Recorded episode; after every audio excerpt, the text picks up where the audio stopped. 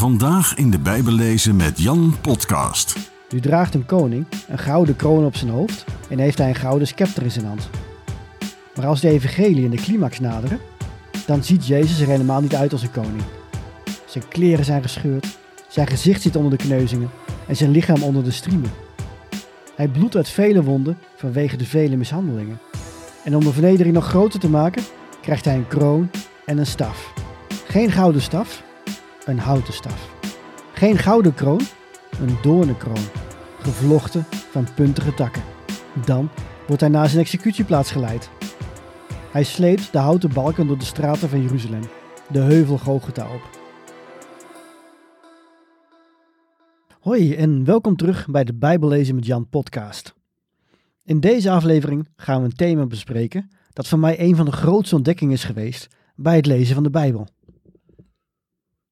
Misschien heb je net als ik een christelijke opvoeding gehad en ben je naar een christelijke school geweest. Ik had een meester die altijd geweldig verhaal uit de Bijbel kon navertellen. Misschien is mijn passie voor de Bijbel daar wel begonnen. Zijn verhalen zorgden ervoor dat zelfs de meest drukke kinderen in de klas ademloos luisterden. Dat was toch wel wat anders dan de steriele uitleg van de dominee uit die tijd. Maar wat de leerkracht niet deed, en wat ook in kerken niet te sprake komt, is dat de verhalen geen losse gebeurtenissen zijn. Toen gebeurde dit en toen gebeurde dat. Ja, de verhalen in de Bijbel zijn echt gebeurd, maar toch zit er een goddelijk ontwerp in die gebeurtenissen en ook in de manier waarop ze worden verteld. De verhalen zijn op een prachtige manier aan elkaar geweven. Eigenlijk is de Bijbel een gigantisch tapijt met prachtige afbeeldingen.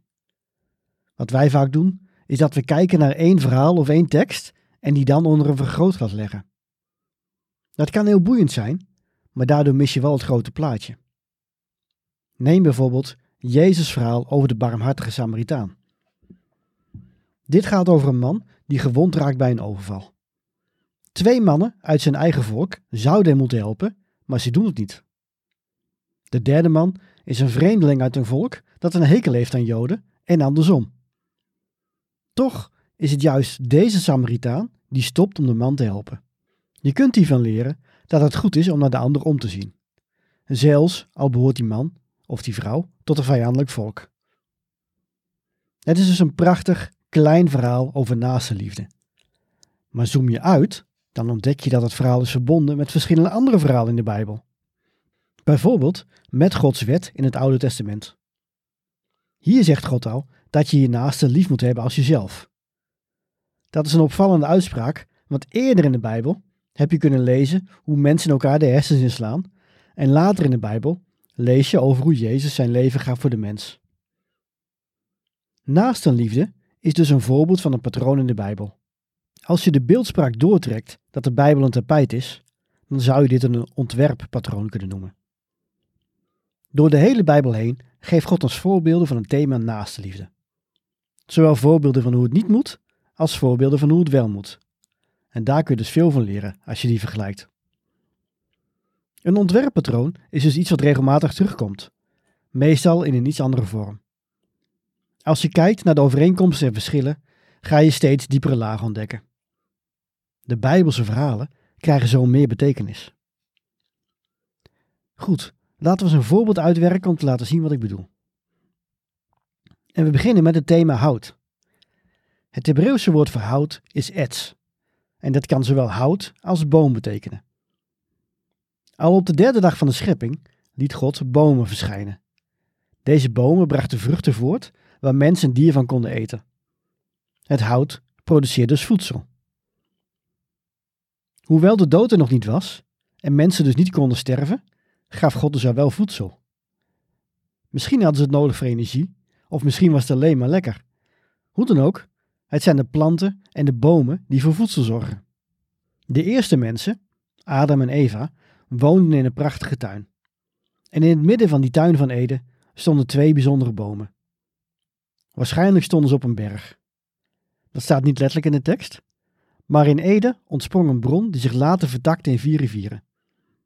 En omdat water altijd naar beneden stroomt, is het aannemelijk dat Eden op een soort heuvel of een soort berg lag. Dat is echter niet het belangrijkste. Het belangrijkste is dus dat God in het midden twee bomen had geplant. Eén bevatte de vruchten van het leven en de ander bevatte vruchten die kennis gaven van goed en kwaad. Van die eerste boom mochten Adam en Eva zoveel eten als ze wilden. De tweede boom was verboden terrein. Niet dat die vruchten magisch waren en bovennatuurlijke kennis konden overbrengen. De boom heette de boom met kennis van goed en kwaad, omdat Adam en Eva tot hun eerste zonde eigenlijk alleen maar goed hadden gekend. Er was geen kwaad in de wereld en dus hadden ze daar geen kennis van. Iedere dag gingen Adam en Eva naar het midden van de tuin en moesten ze kiezen tussen de boom, waarvan God had gezegd dat hij leven gaf, en de boom met verboden vruchten. Zolang ze van de levensboom aten, konden ze niet zondigen en dus niet sterven. De vraag was dus iedere dag: kies je voor wat God zegt dat goed is, of wil je zelf bepalen wat goed en kwaad is? Als je de Bijbel een beetje kent, dan weet je dat Adam en Eva op een dag de verkeerde keuze maakten. Ze aten van een verboden vrucht. Ze deden wat goed was in hun ogen. De boom is dus iets goeds, totdat de mens kiest voor de valse boom. Het thema hout of het thema bomen blijf je tegenkomen in de Bijbel. Soms heel subtiel. Zo maken de volken afgoden die ze gaan dienen in plaats van God. Zelfs Israël maakt een gouden kalf. Dit afgodsbeeld bestond echter voor het overgrote deel uit hout. Want zo werden afgoden gemaakt in die tijd. Je maakt het beeld van hout, en dat immers makkelijk te bewerken is dan goud. En daarna overgroot je het beeld. De namaakgoden in die tijd bestonden dus voornamelijk uit hout, met een dun laagje goud eroverheen. De Bijbel is trouwens heel erg cynisch over het gouden kalf. Afgodsbeelden waren namelijk geen jonge varianten van sterke dieren. De Israëlieten maakten waarschijnlijk een beeldenis van de Egyptische god Apis, die altijd als een stier wordt afgebeeld. Toch noemt de Bijbel het beeld dat Aaron maakte geen stier, maar een kalf. Geen machtig wezen, maar een hulpeloos beest. Eigenlijk spreekt de Bijbel dus heel denigrerend over dit afgodsbeeld. Het stelt werkelijk niets voor in vergelijking met Yahweh, de God van Israël. De Israëlieten leerden niet van de fouten, want ook in de periode van de rechters en van de koningen liet Israël vele afgodsbeelden in hun land neerzetten. Ze bouwden houten altaren en houten pilaren. Vooral de god Baal kreeg vaak een prominente plek. De mensen deden wat goed was in hun eigen ogen. Ze kozen voor een valse bron van het leven, voor afgoden, vaak gemaakt van hout. Maar let op wat God doet. Als het geweld hand over hand toeneemt op de wereld, grijpt God in. Hij begint opnieuw. Over ontwerppatronen gesproken. In Genesis 1 scheidt God het water van de hemel en het water van het land. Dit is creatie. Maar als we dus een paar hoofdstukken verderop bij Noach gaan komen, dan laat God het water weer terugstromen. Dit is ontcreatie, of decreatie, of ontschepping. God verwoest zijn schepping en begint opnieuw. Later zou Israël door de Rietzee trekken om uit Egypte te ontsnappen en door de Jordaan om het beloofde land binnen te gaan. Jezus liet zich dopen en wij laten ons dopen. Dus water is zeker een patroon waar je je verder in kunt verdiepen. Maar goed, laten wij bij het houtpatroon blijven. Als in de Bijbel het water komt dat wij de zonvloed noemen, zijn de mensen reddeloos verloren. Ze kunnen niet ontsnappen aan het oordeel dat ze zelf over zich hebben afgeroepen. Er is echter nog één man die op God vertrouwt. Zijn naam is Noach en God vertelt hem hoe hij zichzelf en zijn familie kan redden. Hij moet een schip bouwen. Een houten schip. Hier laat de Bijbel dus zien dat het hout is dat de mens redt. Begin je al te zien waar dit naartoe gaat? Laten we in grote stappen toewerken naar de climax van de Bijbel. Als Isaac met zijn vader Abraham de berg op gaat om te worden geofferd, draagt hij zijn eigen hout. Dat hout is om het altaar mee te bouwen, waar Isaac zelf op gaat liggen. Zijn vader heeft het offermes al in de hand als God hem net op tijd stopt. Er komt een plaatsvervangend offer op het hout te liggen. Als we een sprong maken naar Exodus, dan komen we bij Mozes terecht. Hij overleeft het water in een rieten mandje. Een rieten arkje, zegt de Bijbel letterlijk. Later roept God Mozes, de herder, en draagt hem op om wonderen en tekenen te doen. En wat is zijn instrument? Een houten staf. Als Israël later is bevrijd uit Egypte en het volk heeft geen zoet water om te drinken in de woestijn, dan moet Mozes een houten balk pakken en deze in het zilte water gooien, zodat het water zoet wordt. Het hout redt de levens van de Israëlieten. Maar het meest bekende voorbeeld uit de Bijbel is natuurlijk de kruising van Jezus.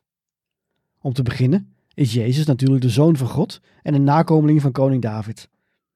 Het koningschap komt hem toe.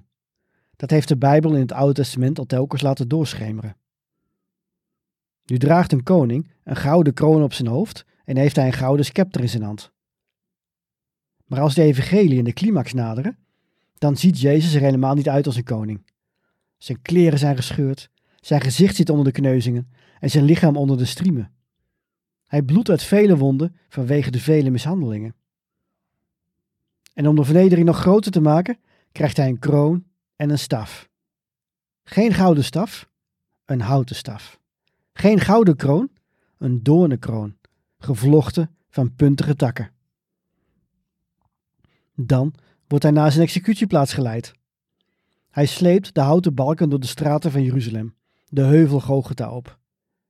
Daar worden de balken verspijkerd tot zijn kruis vormen en Jezus, de Zoon van God, wordt aan het kruis gespijkerd.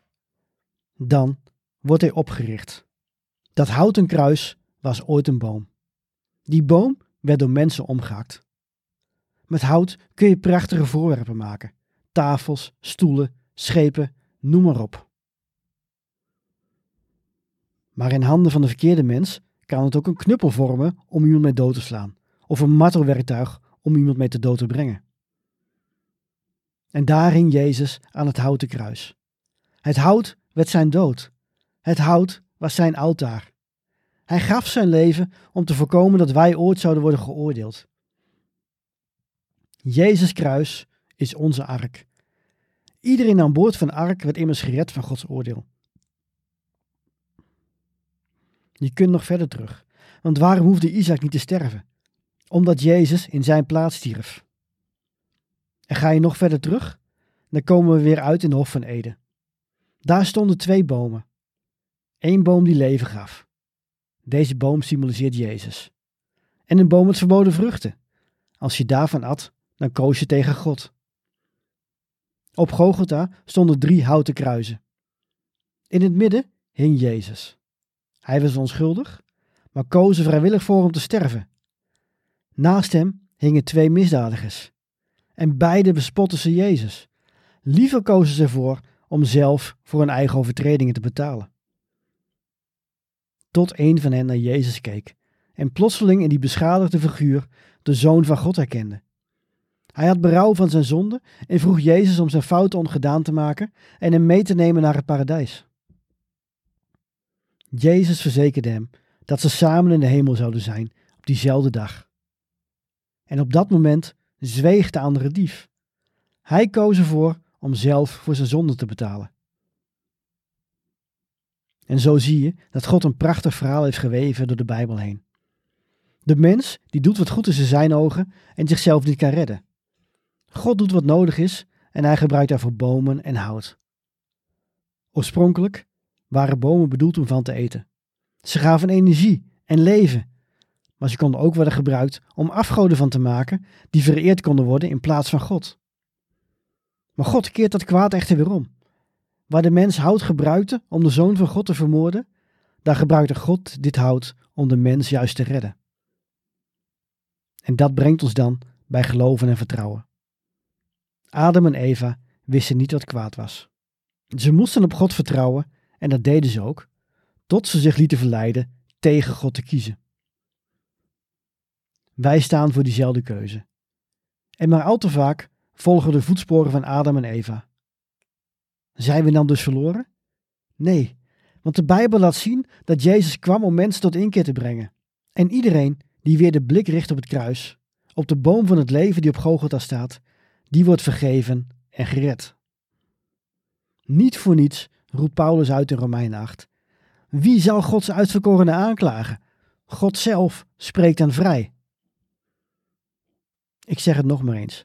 De Bijbel is als een prachtig tapijt met talloze patronen. Je kunt het ook vergelijken met een meesterverhalenverteller die in een boek van 1200 hoofdstukken talloze zaadjes plant die later in het verhaal uitkomen. Maar hoe ontdek je deze ontwerppatronen? En is het erg als je deze patronen over het hoofd ziet? Om met het laatste te beginnen. Het is niet erg als je niet zelf al deze patronen ontdekt. Niet voor niets zegt de Bijbel zelf dat je moet kouwen op Gods woord. Psalm 1. Hoe meer je bekend wordt met de Bijbel, hoe meer je gaat opvallen dat bepaalde patronen steeds terugkomen. Dus de eerste tip is vooral om veel te blijven lezen en jezelf geen druk op te leggen. De tweede tip is dat je kunt letten op bepaalde woorden, zinnen of beelden die regelmatig terugkomen. Soms kan het helpen een Bijbelvertaling te gebruiken die de tekst wat letterlijker vertaalt, zodat dezelfde woorden telkens op dezelfde manier worden vertaald. Bij het voorbeeld van hout dat we hebben besproken, gebruikte ik bijvoorbeeld enkele keren de woorden: De mens deed wat goed was in zijn ogen. Dit komt letterlijk uit de grondtekst van de Bijbel. Tijdens de scheppingsweek zegt de Bijbel zes keer dat God zag dat het goed was, en de zevende keer dat het zeer goed was. In Genesis 3 lezen we dat Eva naar de boom met verboden vruchten keek en zag dat ze er lekker uitzagen. Eigenlijk zegt de tekst: ze zag dat het goed was. Deze woorden, of woorden van gelijke strekking, komen ook in andere Bijbelverhalen terug. Bijvoorbeeld als Saul tot koning wordt uitgeroepen. Dan zien de mensen hem en ze zien in hem een goede koning. Als koning David later op het dak van zijn paleis staat, ziet hij de mooie Bathseba baden. En ze zag er begeerlijk uit. Ze was goed in zijn ogen. Even pakte de verboden vrucht. Saul deed wat goed was in zijn ogen. David nam de verboden vrouw, want ze was al getrouwd en met een strijdmaker bovendien. Maar het was goed in zijn ogen. Dit zijn dus telkens waarschuwingen. De Bijbel hoeft niet te zeggen: het was verkeerd wat David deed. Het patroon is duidelijk. Iedere keer als de mens tegen Gods gebod ingaat, loopt het slecht met hem of haar af. Maar dan kom je bij Jezus en dan wordt dit opeens omgedraaid. Hij wil niet sterven. Hij wil niet het oordeel verdragen. Hij wil niet gescheiden worden van zijn vader. Maar hij bidt: Niet wat ik wil, maar wat u wilt moet gebeuren. Dus een aanwijzing voor het patroon zijn terugkerende woorden of zinnen. Maar in het voorbeeld van hout dat ik gaf, zijn het vooral de beelden die telkens terugkomen. Van het hout wordt van alles gemaakt. Een instrument om kwaad mee te doen of een instrument om leven mee te geven. De boom geeft leven of brengt de dood. De vraag is iedere keer hetzelfde. Voor welke boom kies jij? Toch kan ik me voorstellen dat het lastig blijft om deze patronen zelf te ontdekken. En weet je, we hebben elkaar nodig om steeds meer thuis te geraken in de Bijbel. Daarom ben ik zo dankbaar dat ik met vele mensen dagelijks in de Bijbel mag lezen. In mijn lange cursussen, de Bijbel in twee jaar en het Bijbels avontuur, maar ook in mijn korte Bijbelleeschallenges, probeer ik deze onderliggende patronen naar de oppervlakte te brengen. Zo wordt elk leesplan een ontdekkingstocht. Deze podcastaflevering verschijnt begin februari 2024. Op 14 februari begint officieel de 40 dagen tijd en dan lanceer ik een Pasen Challenge. Hierbij maak je in 40 overdenkingen van elk zo'n 10 minuten een prachtige reis door de Bijbel. Waarbij we het kruis van Jezus van verschillende kanten bekijken. Ook als je dit ver in de toekomst luistert, dan kun je nog steeds aan dit leesplan of een ander leesplan meedoen. Kijk op bijbellezenmetjan.nl slash challenges, bijbellezenmetjan.nl slash challenges, om te zien of er een leesplan is wat je aanspreekt. Dus ga naar deze website als je meer verdieping wilt bij het lezen van de Bijbel. En alle overdenkingen kun je zowel lezen als luisteren. Ik wens je veel zegen.